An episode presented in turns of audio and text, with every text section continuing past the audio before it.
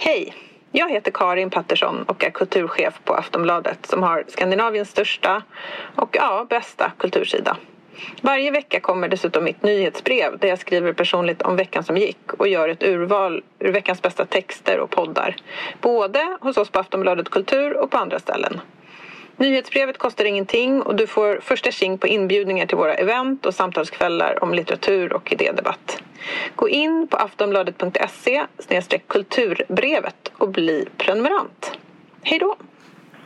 Jag tycker du ska börja. Vem började förra? Jag tycker om när vi har liksom en varannan gång. Inte för egentligen ja. spelar roll, men bara för att det finns någon ja. struktur. Jag, jag tror jag började först förra gången. Gjorde du det? Mm. Ja, jag pratade, så det, du kan få börja. Jag ska prata om Jonas Hassan Khemiris nya bok. Som jag oj, läst. oj, oj. Duktigt. Den är eh, bra. Jag ser den som hans första bok. Men jag kan vänta och prata om Ja men det är bra att du liksom eh, puffar framåt som det heter. Mm. Påa. Påar, eh, puffar, vad det nu heter. Mm. På tv-språk heter det påa. Jag vet inte vad det heter. kanske på radio kanske det heter puff. Eh, på för mig är något man säger när man ska sätta igång ett inslag. Ja. Right. Och puff. Puff, puff framåt puff, är att puff. man säger något man ska ta upp sen. Men det spelar ingen roll. Mm. Nej men okej, men jag, jag gör båda. Jag, eh... Precis.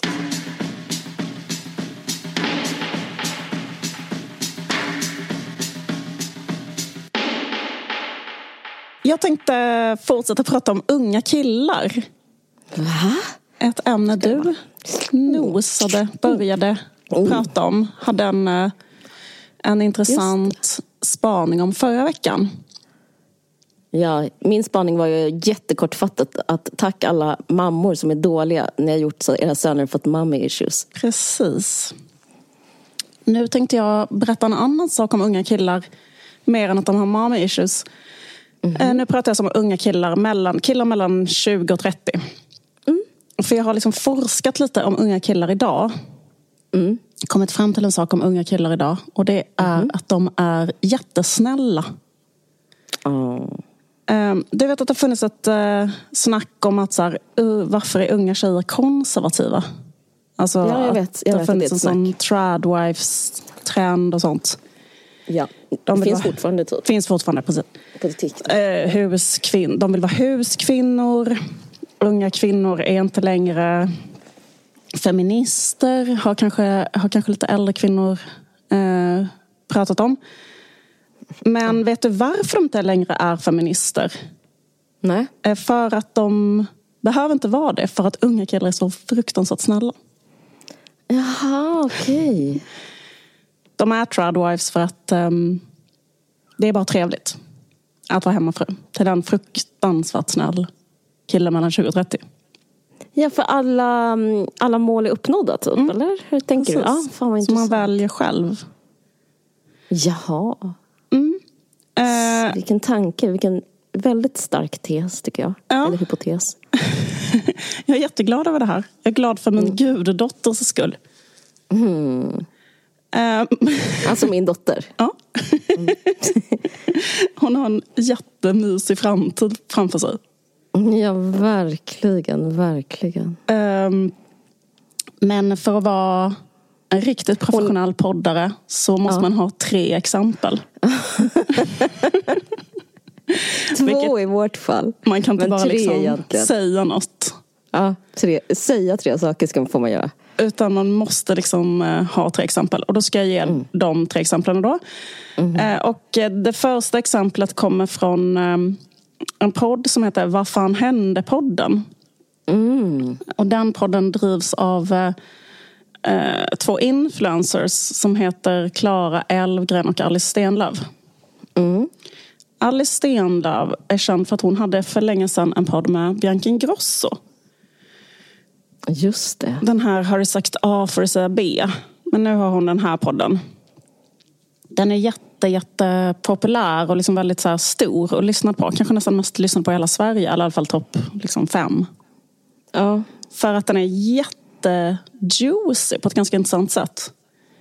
Vad kul. Att de liksom, Hur kommer det sig att du lyssnar på den? Alltså... Ja, jag tror det är för att den är så juicy. okay. Jag känner inte ens till den. Men... den är liksom, för att ge ett exempel på hur juicy den är så är det så här att men jag lyssnade också på den andra. Så jag lyssnade på den här Får, får du säga A, får du säga B? Mm, mm. I alla fall. Och eh, där fick man höra mycket om då influencern Alice Stenlöf. Att hon var ihop med en kille som heter Filip Wång. Mm-hmm. Och de var ihop i sju år. Är det Ola Wångs son? Det är Ola Wångs lillebror. Ja, okay, ja. Det ska vara kul att vara Ola Wångs son. Alltså att Ola ja, Wång blev förälder så här väldigt tidigt. ja, det kanske, jag tror typ ingen vet vem Ola Wång är men jag har varit i debatt med honom på Almedalen. Förlåt. Ja, fortsätt. Ola Wångs vildhavre. Ja, precis. Nej, precis, han jobbar för Kvartal. Han är typ mot ja. um, liksom PK på museer. Typ, och sådana grejer. Eh, men vi hade en debatt som handlade en armlängds avstånd mot kulturen. Mm. Typ så, det är hans mm. raison Fortsätt. Mm. Um, I alla fall, men vi trogna lyssnare av Från A till B-podden mm. känner till att Alice ja. Stenlöf var ihop med Filip Wång i sju år. Och, hade liksom, och han är inte alls känd utan han är liksom en um, helt vanlig typ så här hockeykille som hon hade ett eh, jätteseriöst förhållande med från hon var kanske då 17 till hon var liksom 24. Mm. Eh, och eh, sen så, eh, så smått så gjorde hon slut med honom. Mm. Och eh, ganska kort senare, bara några månader senare, blev hon ihop med J-Real, artisten J-Real. Mm. De var ett vackert par. Mm. Och då la hon också upp liksom jättemycket så här snygga bilder på dem och sånt. Mm. Eh, sen, det senaste som har hänt är att hon har blivit ihop med en tjej. Mm, just det. Hon, eh, Han dumpade henne. Ja, precis. Han gjorde henne lesbisk. Skämtar. Hon... typ. Men hon är med en jättesnygg, jättecool tjej. Ja. Eh, hur som helst så hur, ett typiskt exempel på hur juice den här podden är att då har, bjöd de in för några månader sedan eh, Filip Wång, den gamla pojkvännen till podden och får liksom prata med honom. Mm. Hur han upplevde deras breakup. Mm. Eh, vem vill inte lyssna på det? Alla vill det. Alla vill det, exakt.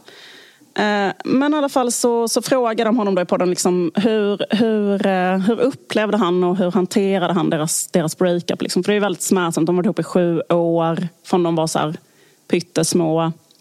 Mm. Och sen så blev hon liksom jättekort senare ihop med G-Reel och lägger upp massa bilder på det. Och så. Men i alla fall, han berättar så här då. Men när, det väl, när jag väl började må så här dåligt, då började jag prata. Med alla. Familj, nära vänner. Varje dag egentligen.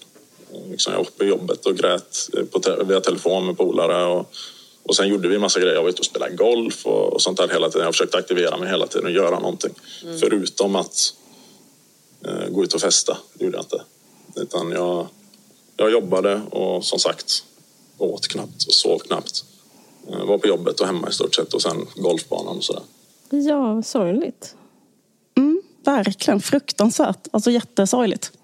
Mm. Men jag tyckte det var intressant det här alltså att han, eh, han mådde skit såklart. Mm. Men han eh, gick inte ut och festade. Nej. Och han eh, pratade med alla. Han grät på jobbet, han ringde, han pratade med alla. Han spelade golf. Alltså han Otroligt hanterade det på ett väldigt kompetent. bra sätt då ju. Mm, jättekompetent. Eh, jättekompetent kille. Sen så pratar de vidare här. Trots allting så har du aldrig fått mig att känna skuld, varit obekväm. Du har alltid varit så respektfull, respektfull och storsint. Det har många vänner frågat mig sådär också. Men det... För du hade kunnat vara petty och jag hade förstått. Jag kände inte att det kommer inte hjälpa mig överhuvudtaget. Om jag skulle gå runt och vara förbannad på dig, det kommer inte hjälpa mig överhuvudtaget. Utan jag försöker fokusera på mig själv. Du gör din grej. Du är verkligen en drömkille. Ja, för att jag tror att det är helt normalt att känna en viss typ av besvikelse eller ilska. Jag hade kunnat vara asarg. Jag hade varit pissbesviken. Om min, det var jag nog besviken sådär men, men jag var inte, jag vet jag hade någon polare som sa till mig att fy fan vad lack jag på Alice och, eh, och sånt där liksom och började prata. Jag sa bara håll käften, jag orkar inte höra på det. Så att, för jag, det kommer inte hjälpa mig. Sitta här och snacka skit om hur förbannad jag är allt sånt där. Jag, det kommer inte hjälpa mig. Utan jag var, jag var helt förkrossad. Det var, jag har aldrig mått så dåligt i hela mitt liv, men jag var inte förbannad. Uh, dumpar tjejen, blir ihop med honom igen. Jag förstår inte. Vilken otrolig... jag, jag vet. Men vad fin Men det jag tyckte var så intressant här var liksom att det var så långt från eh, just det här eh, killbeteendet när man blir dumpad. Att man, eh, jag tänker alltså att det är väldigt långt, också det där att han inte festade. Att, att han inte festade och att han inte var arg på henne. Att det var... Ska vi vara ärliga så har vi ju aldrig träffat sådana här killar från vår generation. Vi, jag har aldrig varit med om en sån kille som hade i Göteborg. Det, vår generations killar var ju mer, alltså jag tänker på, alltså i vår generation, han är ju äldre än oss men ändå Mikael Persbrandt. Jag tänker på till exempel hur Mikael Persbrandt reagerade när mm, Maria Bonnevie blev ihop med Skavlan. Alltså det, var ja, men det har varit en prototyp så att jag tycker ändå det finns en poäng. Han är mycket äldre än oss, snälla någon. Men, men det finns ändå, det har liksom varit ett sån... Han var ju en, eh, ska man säga, en man, en, en förebild för män. Man. I, alltså, en el, alltså han var en förebild för män i vår generation kan man säga ändå. Att han var en cool ja. man. Eh, och han var ju mycket så, jag kommer inte exakt ihåg vad han gjorde nu men det var väl någonting med att han satte han en yxa i Skavlans dörr. Port? Ja. Om inte så den ballparken. Han festade i alla fall han festade så mycket. så att, antingen har du berättat det här för mig. Nej, det var faktiskt Ola som berättade det här för mig i somras. Ja. Att, vet du, han festade så mycket att till slut befann han sig i, ett, i en källare på Lidingö med bara män. För de tog så mycket kokain att de slutade vara intresserade av brudar. Just det. Det var det som var hans... Att han märkte att han i flera veckor hade varit ensam med bara män. För liksom festen hade tagit slut och kvinnorna hade gått hem för flera månader sedan. Och han bara hade gått på koks. Så eh, det är liksom eh, toppen av is, på isberget av hur ja. liksom man, en man ska reagera i ett breakup. Precis.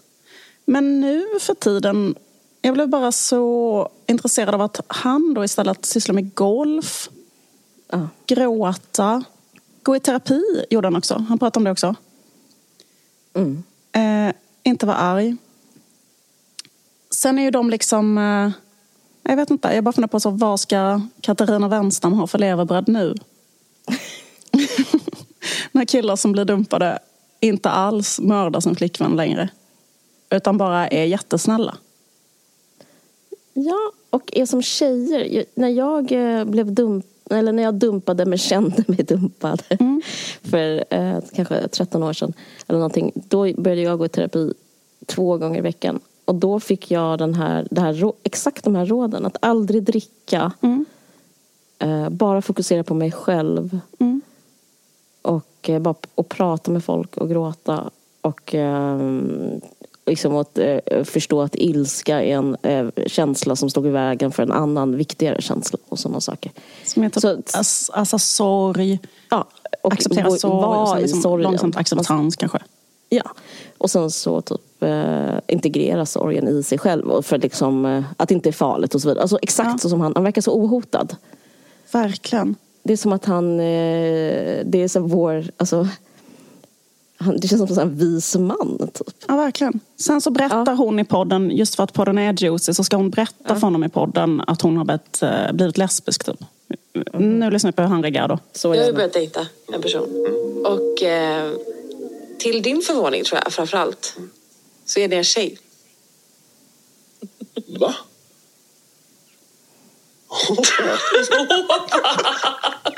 ja men vad kul. Ja det är kul. Ja. Jag, bara, jag tycker också att det är intressant att en av Sveriges absolut största influencers bara är ihop med en tjej här, utan att det är så stor grej. Mm. Alltså jag bara menar att samhället har gått framåt på många sätt. Ja, verkligen. Alltså så var det ju verkligen, verkligen inte. Jag bara tänker på så att folk snackar om att det är en konservativ trend och så, men samtidigt är det liksom inte alls det. För samtidigt är liksom basecamp på ett helt annat ställe än vad det någonsin var. Helt sant. Helt sant. Liksom att vi har ändå förflyttat fram vad som är det nya normala och det är mil från vad det var typ på 90-talet. Nej, men, verkligen. Det är fruktansvärt. Alltså jag hade en diskussion i morse om det här, liksom, om det var bättre. Är det bättre förr eller bättre nu. Alltså ja. man bara får ja. ett binär, ja. man bara får ha den binära samtalet. Och svaret är att det är bättre nu. Det, liksom, det, man, det finns en känsla, eller liksom ett narrativ att det är sämre nu. Men det ja. är bättre nu. Alltså, I alla fall när det gäller de grejerna. För man pratar mycket om att det är en sån liberal ja. backlash. Men samtidigt är det absolut inte en liberal backlash. Fattar du vad jag menar? Ja, eller också tänker jag, är det, är, det, är det här Sverige? I så fall känner jag mig väldigt stolt över Sverige. För i Sverige är det så här, ja. precis som du beskriver. Att den, typ, den snyggaste tjejen är ihop med en flata utan att ens komma ut. Precis. Och att liksom eh, hennes ex-pojkvän, mm. alltså att hennes första sju år långa förhållande bara var ett jätte jättefint stöttande förhållande där de kanske var bästa vänner och gav varandra en jättefin första upplevelse av vad kärlek är och sen kanske eh, unnar varandra att gå vidare. För jag menar, typ så är folk, gå i terapi. Ja, visst. Mm. Exempel nummer två. En annan mm. svensk ung influencer som är kanske 26 max. Som heter Filippa Toremo. Um, ehm, okay. hon, blev, uh, hon fick ett jättestort uppsving i sitt kändisskap förra året därför att hon blev gravid uh, utan att veta om det. Och um, mm. liksom upptäckte det så sent i graviditeten så att det är för sent att göra abort. Mm. Alltså du vet en sån här skräckhistoria som alla tjejer var så livrädda för. Att det ska Men vara typ så att man typ... Födde, um, eller in, alltså innan? Vad sa du? Alltså hon, hon, kom, vissa, alltså vissa så här kvällstidnings Just det. grejer är så. Jag födde, jag visste inte jag var ja. gravid. Men hon, hon visste att hon, eller Precis. födde hon? Typiskt kvällstidningsgrejer det här, jag födde på toaletten typ. Alltså, ja. jag, ja, men jag undrar, var det den nivån eller var det Tre... Det, var, det var typ kanske att det ändå var... Alltså kanske, det, hon, hon, var kanske ändå... Det kanske ändå hade gått sex månader eller något liknande. Alltså det hade gått jävligt lång tid. Mm. Och eh, det, det var också så du vet, så hon kanske hade ätit p-piller och eh, kanske typ haft mens. Alltså jag vet inte, förstår du vad jag menar? Mm. Eh, slash, alltså du vet, men, men bara en sån grej. Och sen så, så typ eh, visade det sig att hon, att hon liksom var gravid, kunde inte göra abort. Var tvungen då att föda barnet och då liksom var det som att hon inte alls ville det och var liksom helt, eh, alltså typ aldrig hade tänkt att hon ville ha barn, bara var så 26, alltså så. Eh, mm. Och inte heller var ihop med den här killen, hade typ haft något så här one night stand med honom. Och mm. Eh, den här killen ville absolut inte heller eh, bli pappa typ. Mm. Och då liksom pratade hon om det i eh, olika sådana Um, liksom, uh, ja, men, hon gjorde typ en video om det och så. Och sen mm. så, men successivt så liksom bestämde hon en... För först tänkte hon att hon kanske skulle adoptera bort barnet för det är liksom enda alternativet då. Men sen när hon liksom um, liksom, så vande hon sen de hon har satt i tanken och sen så vill hon ändå behålla det. Och då slutade det med att den killen också ändrade sig och bestämde att han också ville typ vara en del och sen blev de ihop och nu bor de ihop och liksom har en familj. Och det verkar Oj. gå jättebra. Någon borde köpa filmrättigheterna. Det är som en romcom typ. Ja, det är verkligen romcom. Alltså typ att mot alla odds och sen så funkar det. Precis. Tips. Verkligen. Men eh, då liksom har hon en, eh, vad heter det, en Youtube-kanal. Mm. Och då liksom um, pratar Jag måste hon... säga att, eh, parentes, att jag är så imponerad av dig som hänger med så mycket. ja, men jag gör inte Kollar du då på Youtube och så? Mm, alltså vet du vad som händer Caroline? Jag har kanske en timme i månaden eh, när jag liksom inte, när jag kan typ titta på tv. Alltså jag skämtar inte nu. Alltså det, väldigt, det, det, låter väldigt extremt men det är nästan så. För jag typ gör aldrig någonting som bara är liksom avslappning. Då hade jag typ en timme och då kollade jag på så här Filippa Toremos Youtube. Okej, vad gulligt. Som eh, min egen tid, som jag nu då använder som content. Så det blev ändå ett jobb. Mm. Jag är jätteimponerad. Fortsätt. Jag vill bara ge dig cred. För att, eh, det, jag det, faktiskt, eh, jag, det maler hos mig att jag inte ser Youtube eller tv-serier. Eller, och det låter som ett skryt. På ett sätt är det väl ett skryt, men, men det är också sant. Nej, men jag kollar alltså. aldrig på tv-serier och aldrig nej, på Youtube. Men det här är typ den enda gången jag någonsin har sett en, eh, en vlogg. Alltså. Ja, men jag, har aldrig, jag har aldrig sett den. Nej, jag har sett den en enda gång och nu ska jag berätta. Grejen är faktiskt att jag älskar det känns som du är um, Filippa Tormo. Ja, jag ska också börja kolla nu. Mm. Jag är så influerad av dig. Hon, ja, är, alltså, hon är så, otro, alltså, så otroligt imponerad. Vad heter hon? Filippa så, vad? Filippa Toremo heter hon. Okay. Mm. Men jag blev väldigt imponerad av henne för att hon är så himla um, liksom odömande och uh, mysig i sin mm. kanal. Alltså, för det är väldigt svårt så att typ, hålla på att berätta om mammagrejer och sånt. Men att hon lyckas hålla hela tiden en sån himla så här, gullig ton. När hon mm. inte dömer någon någonsin och så. Och är väldigt, hon är väldigt open-minded och väldigt så här, fin tjej. Hur som helst. Så berättar hon i kanalen att hon... Eh, alltså, tänk dig då den här killen, han heter Kit. Den här killen som hon blev ihop med då. Som ändrade sig fick chock att reda på att han skulle bli pappa till ett one night stand som han hade haft för eh, liksom, sex månader sedan och sen inte hörts med. Liksom. Sen så ska han bli pappa. Eh, sen då liksom, slutar med att han liksom blir kär i henne och blir ihop med henne. Liksom. Mm. Och då på sommaren när barnet kanske bara är... Det ska sägas att hon inte ammade barnet utan hon flaskmatade det. Och det pratar hon om och det är för att hon och Kit ska kunna ta varannan natt redan från början. Så det är hela tiden så här, Kit har tagit natten alltså i, i programmet. Jag tycker det är lite intressant när vi pratar om det här med backlashen med unga tjejer, de är inte feminister och så. Då är unga tjejer så här idag att de flaskmatar bebisen för att de ska kunna sova varannan natt på soffan och få en full natts sömn. Ändå intressant. Mm. Och sen så på sommaren så vill hon åka tio dagar. Hon åker iväg tio dagar själv med sina tjejkompisar på en semesterresa. Och lämnar bebisen med pappan när bebisen bara är då liksom sex månader? Men jag tror att det fortfarande är väldigt viktigt med egen tid och eh, det här stärkte inte bara min och Kits relation faktiskt. Eh, men också tror jag att jag kan bli den bästa mamman jag vill vara om jag också får lite egen tid. Och sen så är det mer då lite för att hennes eh, kille Kit då tog hand om bebisen själv, eh, den här pyttelilla bebisen i, i tio dagar när hon var borta. Då han säger så här, eller sen fortsätter hon att berätta om det så här. Det gick hur bra som helst när Kit eh, tog hand om Todd och eh, deras band stärktes också sjukt mycket. Eller hur älskling? Ja, verkligen. då hörde hon det på slutet. Mm. Uh, nej men jag bara tycker att det var um, jag vet inte. Jag bara tyckte att det var intressant att eh, väldigt normiga eh, tjejer som är i centrum av kulturen och inte är kanske ens uttalat feminister. För de behöver inte vara feminister men de är ändå så här hela tiden. Mm. Mm. Och killarna är så bla bla bla. ja. Var inte ganska intressant? Jo, jättebra exempel. Ja.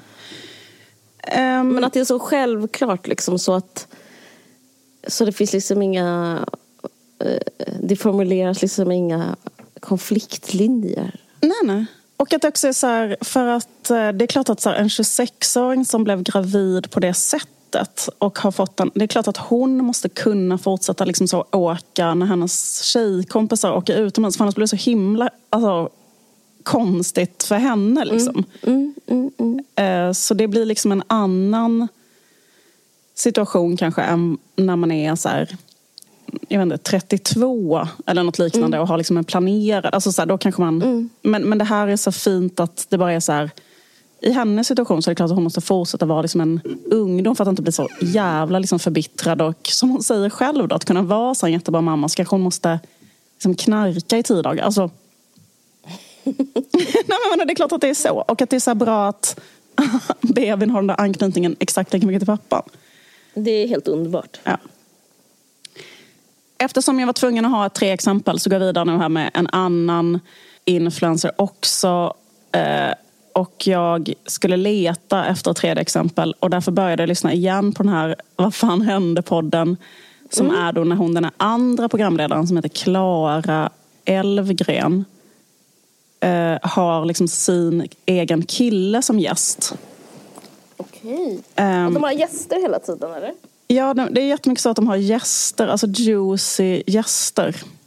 Uh, hon var programledare för Fuckboy Island, den här Klara Elvgren.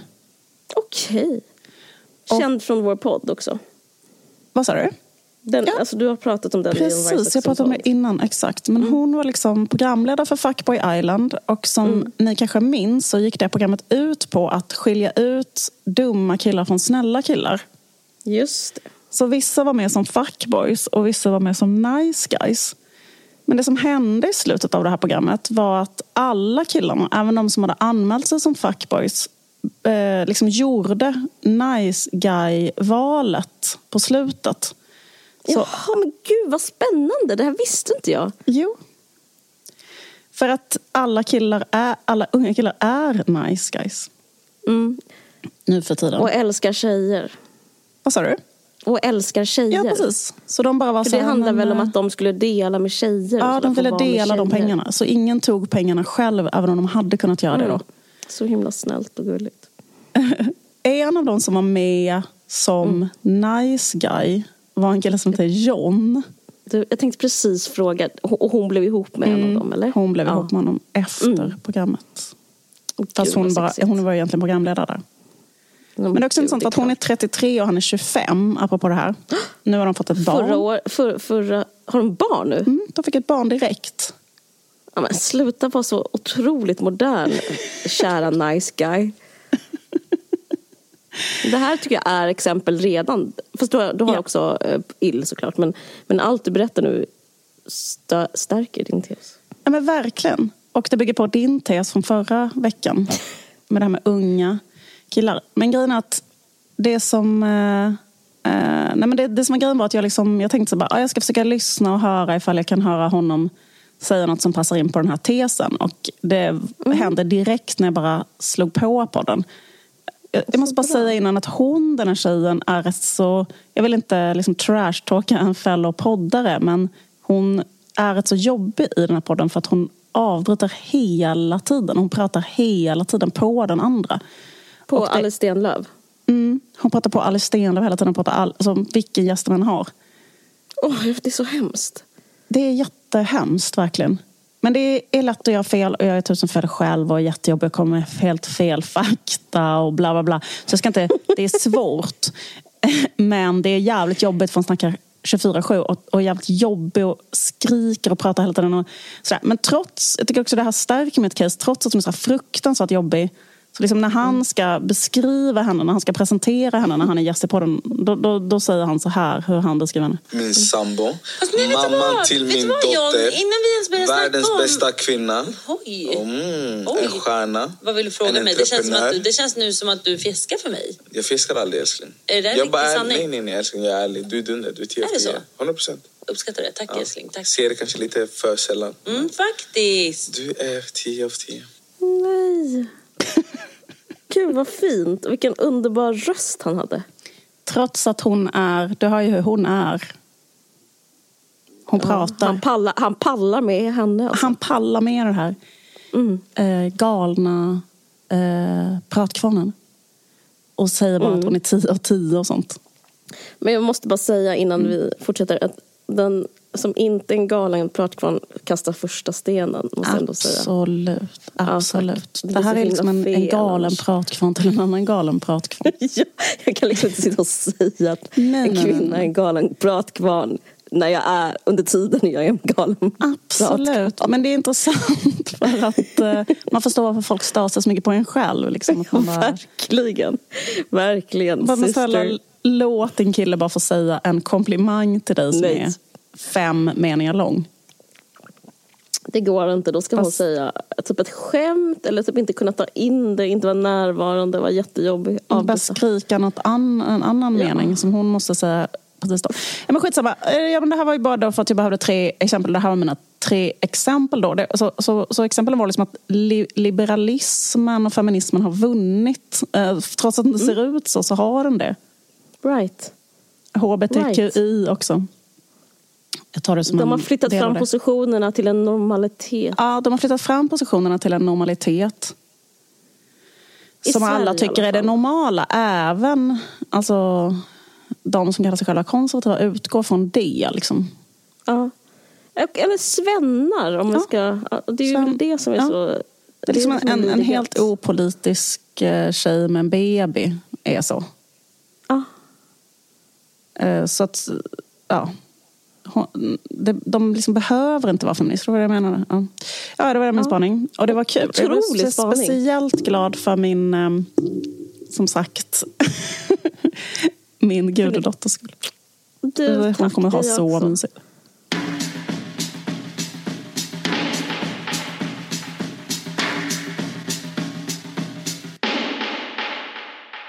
Är faktiskt väldigt imponerad av din spaning. Den var så jävla solid. Så jag liksom Den hade liksom till och med tre exempel med tre Ja, jag, jag, jag är Så tagen de var liksom den. helt vattentätt. Det finns inget möjligt motargument. Inte ens incelrörelsen. Nej men måste, får jag bara säga en sak om incelrörelsen? Mm. De är ju också bara de älskar tjejer på ett sätt. Ja visst, absolut. Så det, nej, inte ens de är ett motargument. Um, men jag... Jag gick, gick på en bio igår. Alltså, mm. För ända sedan i somras har jag velat se en film som heter Anatomie de Jute. Mm. Alltså ett, ett, anatomin av ett fall. Mm. Och på, på svenska heter den Fritt fall. Mm. Eh, och den vann Cannes Grand Prix. Okej. Okay. Eh, är den fransk? Den är fransk. Och den eh, handlar om eh, ett rättsfall.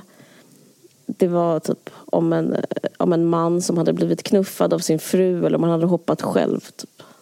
Och den här, båda, båda frun och maken var författare. Just det. Jag har sett om den här filmen. Ja. Mm. Och i rättegången, nu, nu hörs det jättemycket ljud, typ som du börjat eh, slå in present och julklapp. Jag, jag, jag, tog bara en halstablett, förlåt. Jag är okay. lite sjuk.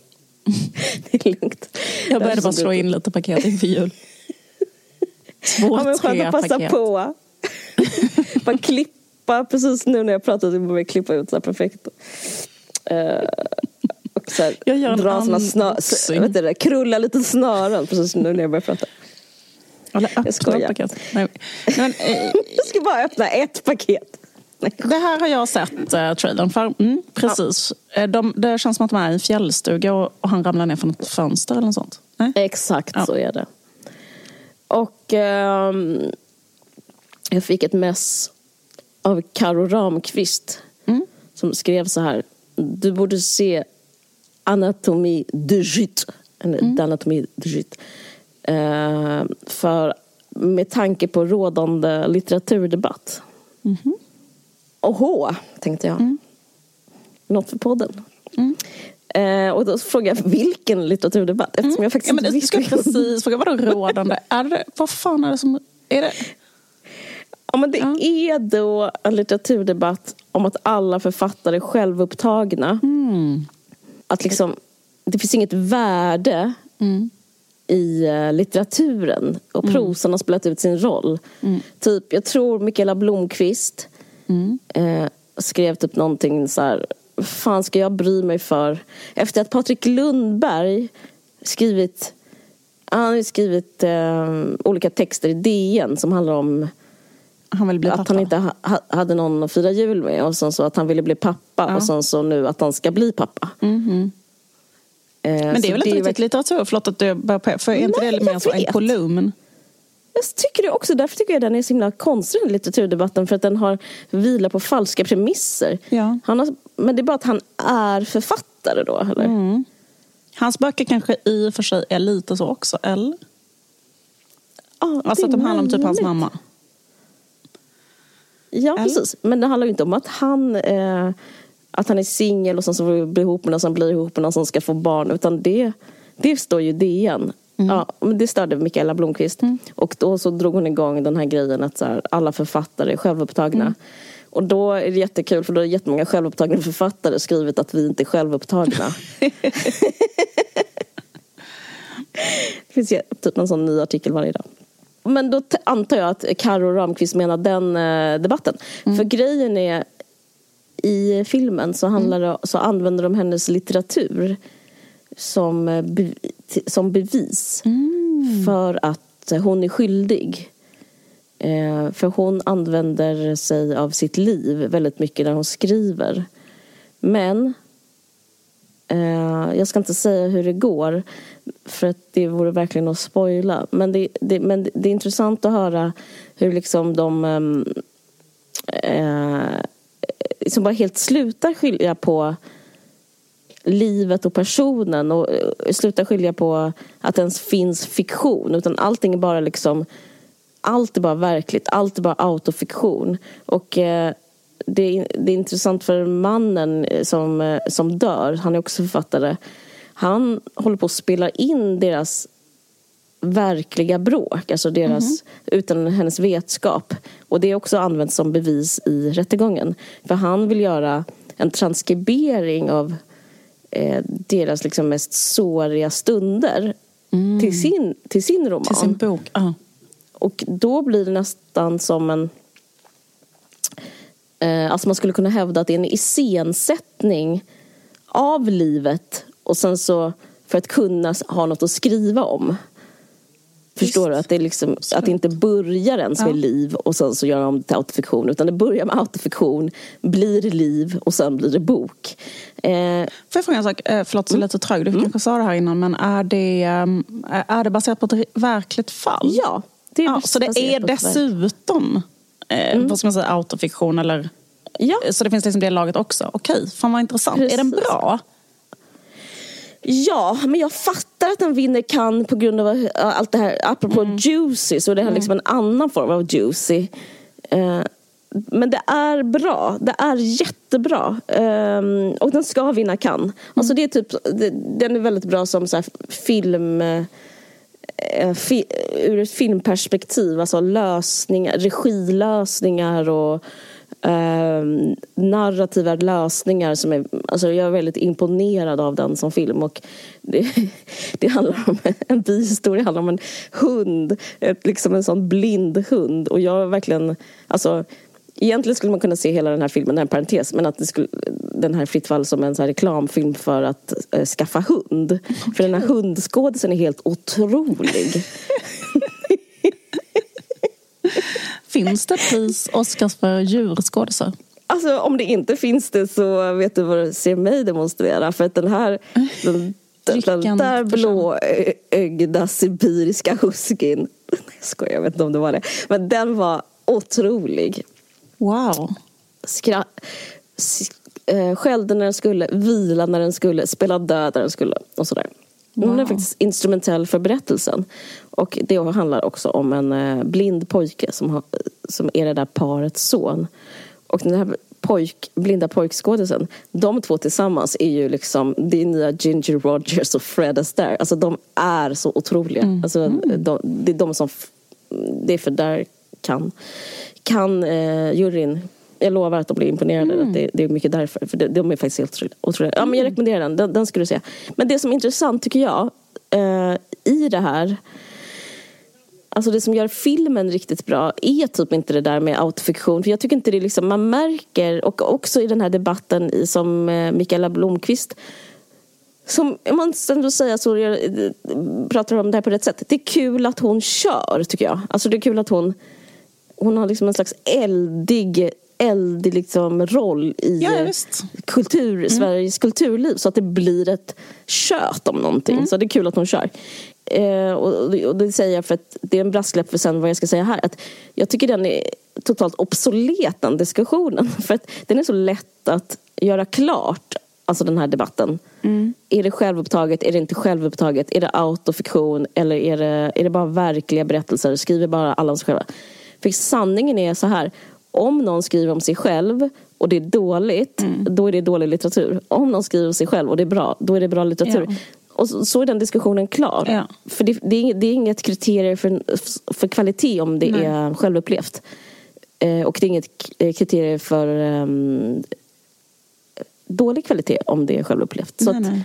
Det, det, är ingen genrefråga, det är en kvalitetsfråga. Det är som Knausgård, alltså jag menar... Ja, det är bara som Knausgård. Mm, Om det är bra så är det bra. Om det är bra så är det som Knausgård. Jag kan inte vara så, åh varför, nej, hur, Va, vad, vem? Man, det är bara så, är det, bra, är det bra skit, är det bra skit.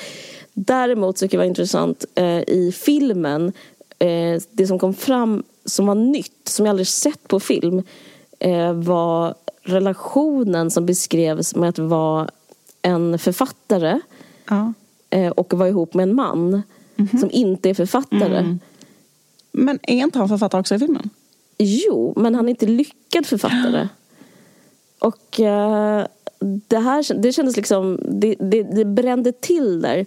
För det handlar om att um, det är lite vad du pratar om också. Det, liksom, det handlar om att det var en beskrivning av att ha en bra man och mannen hatar Mannen är bra man för, för, en, för en man av idag finns liksom en medveten man finns det inget utrymme att vara en usel man.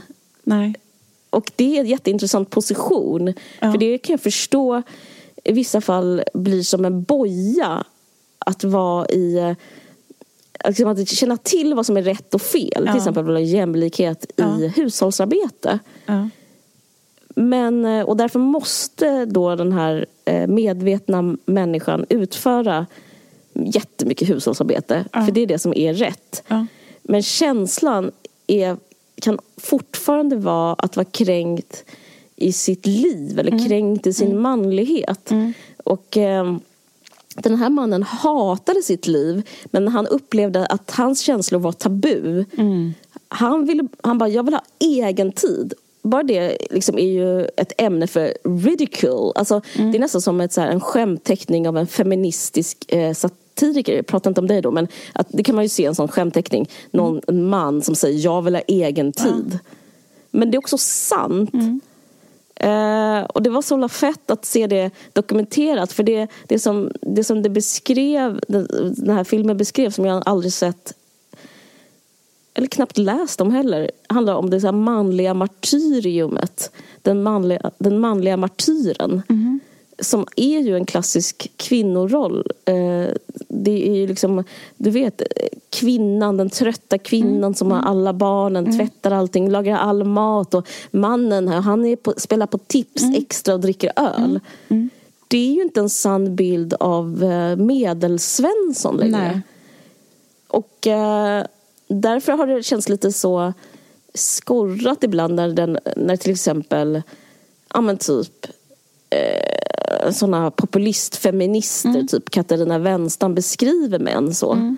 För det är svårt att känna igen sig. Det finns ju några extrema eh, alltså det finns ju brottsfall då liksom det finns eh, kvinnomisshandel och kvinnomord fortfarande som är typ lika högt som det alltid varit. Men, men sen finns det det här medelklassiga segmentet som är förändrat. Och, eh, och jag fick syn på den mannen, den nya mansrollen som då ingår ett, eh, där martyriumet ing, ingick. Eller ingår. Och eh, i filmen så anklagar han även henne, det, det går ju inte att översätta på vilka Svenssonpar som helst, men jag tror det finns liksom lika där. Han anklagar henne för att hon förstör hans liv för han får aldrig tid att göra vad han egentligen vill. Ehm, och, och det är så en vanlig kvinnogrej, typ så här på 50-talet. Ehm, så han vill egentligen också skriva. Och han hade bara skrivit om hon inte skulle skriva så mycket. Ehm, och som författare tycker jag det var lite så eh, loll att se. För att alla författare vet en sak. Alltså jag är ju författare. Och det är eh, att det är så himla lätt att skriva. Det handlar bara om att sätta sig och skriva. Så, och det vet ju den här kvinnan, kvinnliga manusförfattaren och eh, regissören. Det, hon är eh, både och, som gjort filmen. Det är bara att skriva och göra. Eh, och allt annat, när man börjar prata om hur andra tar ifrån en det är eh, en position i, f- kvinnan i filmen sa hennes utbrott, hennes svar blev liksom du, det är inte sant, du, du är ett offer, du är martyr och det där är bara, du skyller ifrån dig för att du är rädd. Jag vet inte om det är rädd man är för att man inte gör vad man vill. Men eh, jag tycker det är intressant. Det kan ju vara att man inte har vad som krävs. Så kan det vara. Ja, typ att det är att det är inte alla som har vad som krävs. Nej. Och det är liksom, eh, liksom... För det är rätt ovanligt att ha vad som krävs för att till exempel skriva en roman. Det är, det är väldigt speciellt att göra det från, från liksom början till slut. Och alla, Ja, absolut inte alla kan göra det. Alltså det är jätteovanligt att kunna göra det. Ja, det är det. Ja. Men vissa kan göra det och andra kan inte. och de Exakt, som inte kan kanske inte ska skylla på De som kan. eh, det nej, precis. andra könet. Ja. Det är bara liksom... De som inte kan ska inte skylla på det andra könet. Så det, så. det var så jävla kul sagt. ja, det, det, det är... För jag känner igen den retoriken. Men just att skriva är inte så svårt. Det är bara att ha papper och penna. Det kan man göra alltid. Ja, men liksom det är någonting, det är någonting eh, jag tyckte det blev som en bumerangeffekt att se en man ha de här eh, martyriska, eh, också så här konstnärliga martyriska mm. Snacket och verkligen jättebra. bottna mm. i det. För att jag har hört det så många gånger i, liksom, i den feministiska historien. Mm. Och det, det kanske, jag ska inte heller ta från alla allt. Liksom. Det är klart att det finns en sån finns en sån kontext och såna, mm. såna situationer och mm. man kan vara uttröttad så man inte mm. orkar någonting. Det har jag också känt som mamma och som mm. att ingå i en familj till exempel mm. kan, kan tvinga fram såna grejer. Men eh, det, det är någonting med mansrollen som är det var bara kul. Ja, det, ja. Var bara, det var bara intressant att se en, en manlig martyr porträtteras. Och det är därför den är bra, skulle jag säga. Och inte för autofiktion, inte autofiktion. Utan för att det, att, den, att det fick finnas och vara sant. Mm. Liksom. Uh, att killar är så. Det här blir något hur killar är-podden mm. kanske. Intressant. Jag tror du skulle prata om Jonas ja. Hassan Khemiri. Jag, jo, jag sitter här på nålar som på nålar och väntar på det. Mm, eh, jag, började, jag, ska, jag har också läst Jonas Hassan Khemiris nya bok. Oj, vad var pluggigt av dig. Hur som helst, den är inte klar för den är 700 sidor. Men du, den är så bra. Vad heter den? Systrarna. Just det. Den är så jävla bra. Mm -hmm. Vet du varför? Nej. För Jonas Hassan Khemiri har slutat vara en duktig pojke. Mm-hmm. Han är inte politisk längre. Mm-hmm. Det händer något med alla nu för tiden. Mm. Det känns som folk bara liksom transcenderar. Mm. Det här är som, jag ser nästan det här som hans första bok. För mig är det mm. hans debut, debutroman. Mm.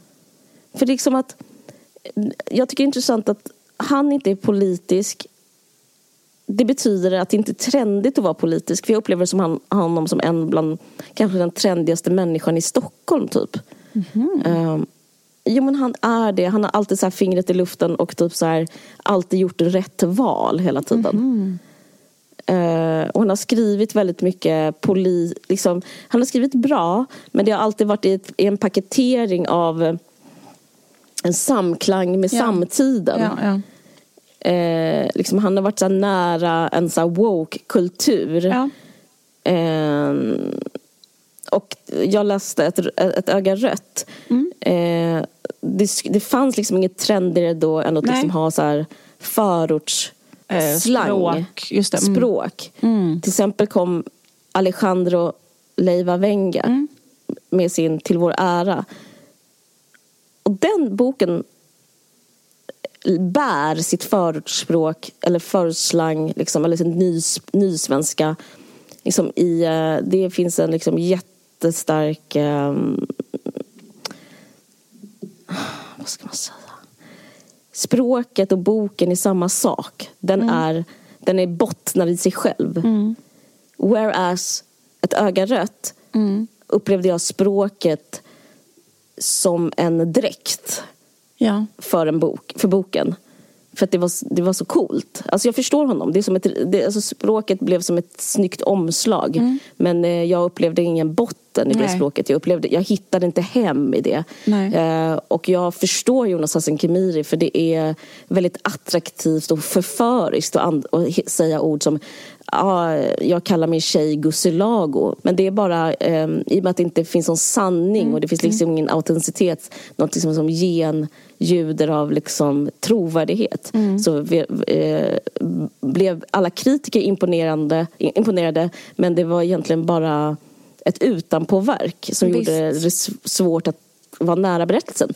Dock så fanns en berättelse där och den är jätteintressant. Men nu är det som att han har slutat med sin skrud. Han har liksom tappat sina fjädrar av att eh, typ passa in i det som folk vill ha. Det vill säga en exotici... Mm. Alltså, folk har, jag tycker liksom, det är inte hans fel utan folk har liksom smaskat i sig och slurpat i sig att så här, en liksom idé av en invandrarförfattare som representerar någonting. Ja, men har inte du liksom också varit med om det? Förlåt upp. Eh, att jag inflikar här. Men jag menar att, typ att så här, om han då är en ung författare som vill debutera mm. och han har en förälder från mm. äh, ett annat land, jag kommer inte ihåg vilket nu, men mm. är det Egypten? Nej?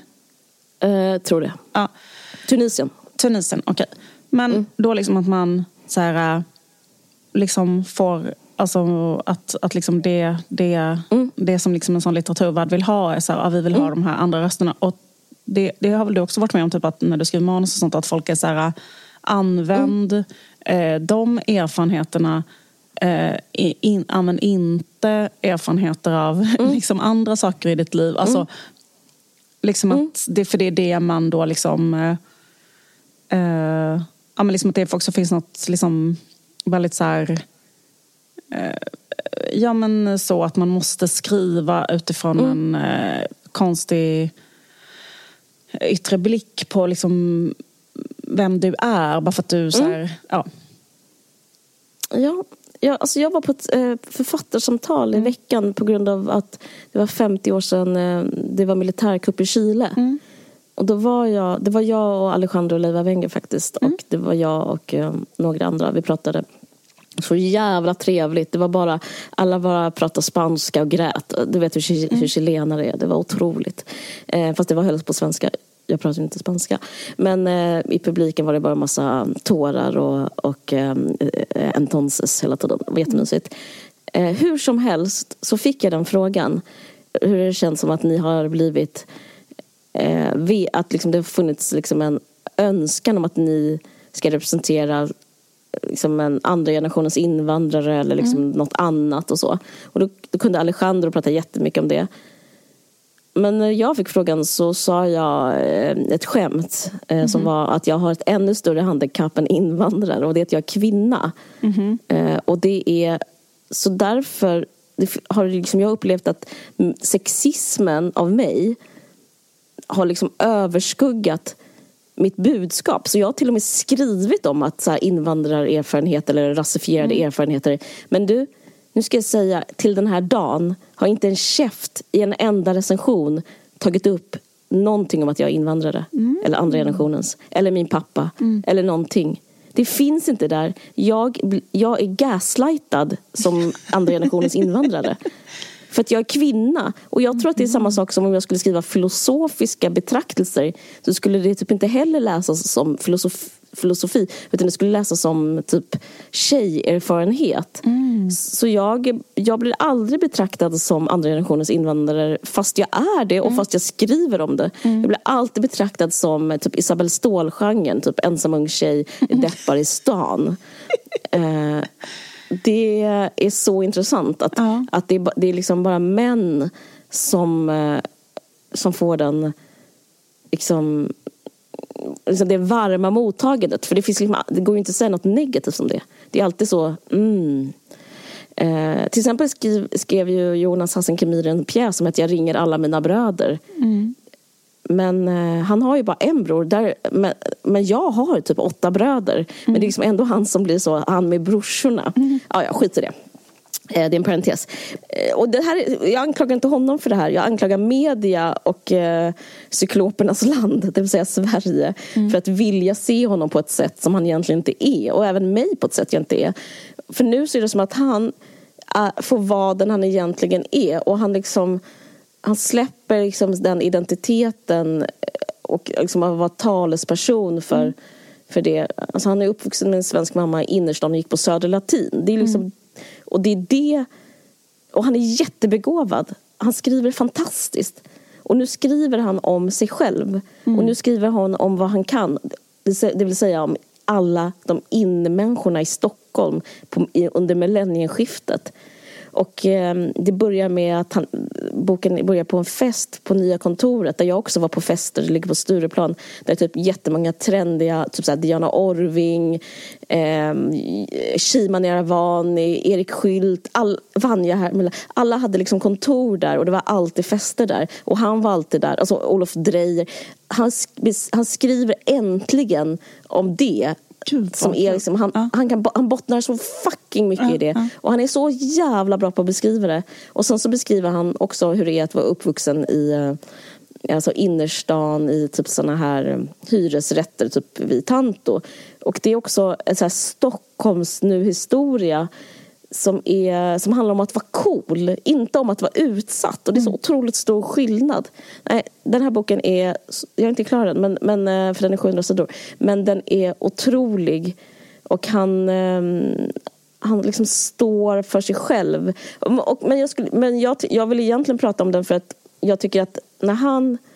I och med att jag upplever honom som den mest trendiga vi har i Sverige så att Alltså det är också sista spiken i woke-kulturen. Alltså det är inte en position som är, som är attraktiv längre att liksom röra sig i. Alltså nu tror jag att folk kommer börja skriva liksom litteratur igen, eller vad man ska säga. Det, det, för det här är, den är helt utan positionering. Alltså den är så jävla bra den här boken. Jättekul. För det känns ju som att så här, woke har varit så mega ute i väldigt, väldigt många år. Typ i, liksom, kanske i sju år. Mm. För jag har nästan känt att Cesara har så här, vänt igen på något sätt. Att det har börjat liksom... Eller att det finns ett, en ny slags energi, så på, men fast en mer riktig energi. Eller jag vet inte riktigt. Ja, men det kanske stämmer. Och, typ och det att, det finns liksom, att det inte ja. är så, att det, att det är extremt otrendigt. Men liksom, fast också så här, mm. det finns något som är ännu mer otrendigt och det är typ att vara anti-woke. Förstår du vad jag menar? Ja.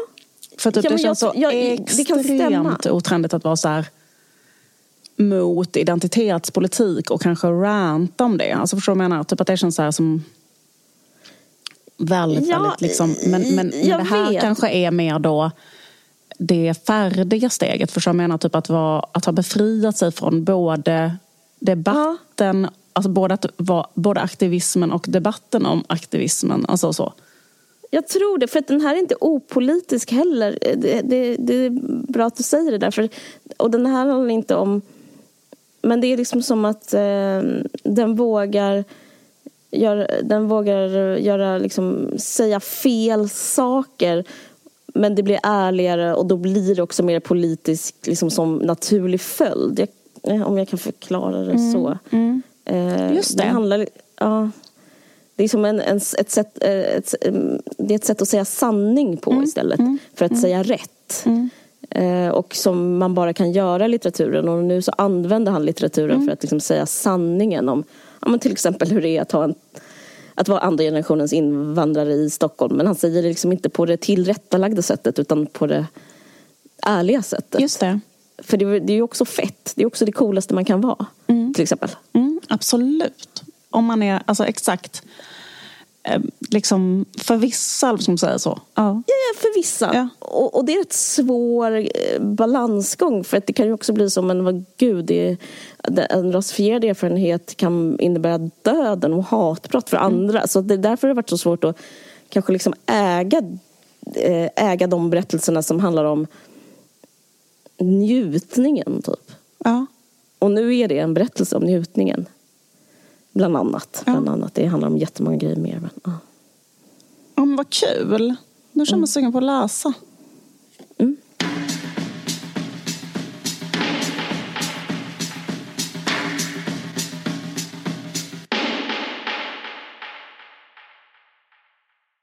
Ditt var ju en fem av fem. Mitt kanske ska klippas ner lite men det Nej, det, det var jätte, jätte, jättebra. Jätte, jätteintressant.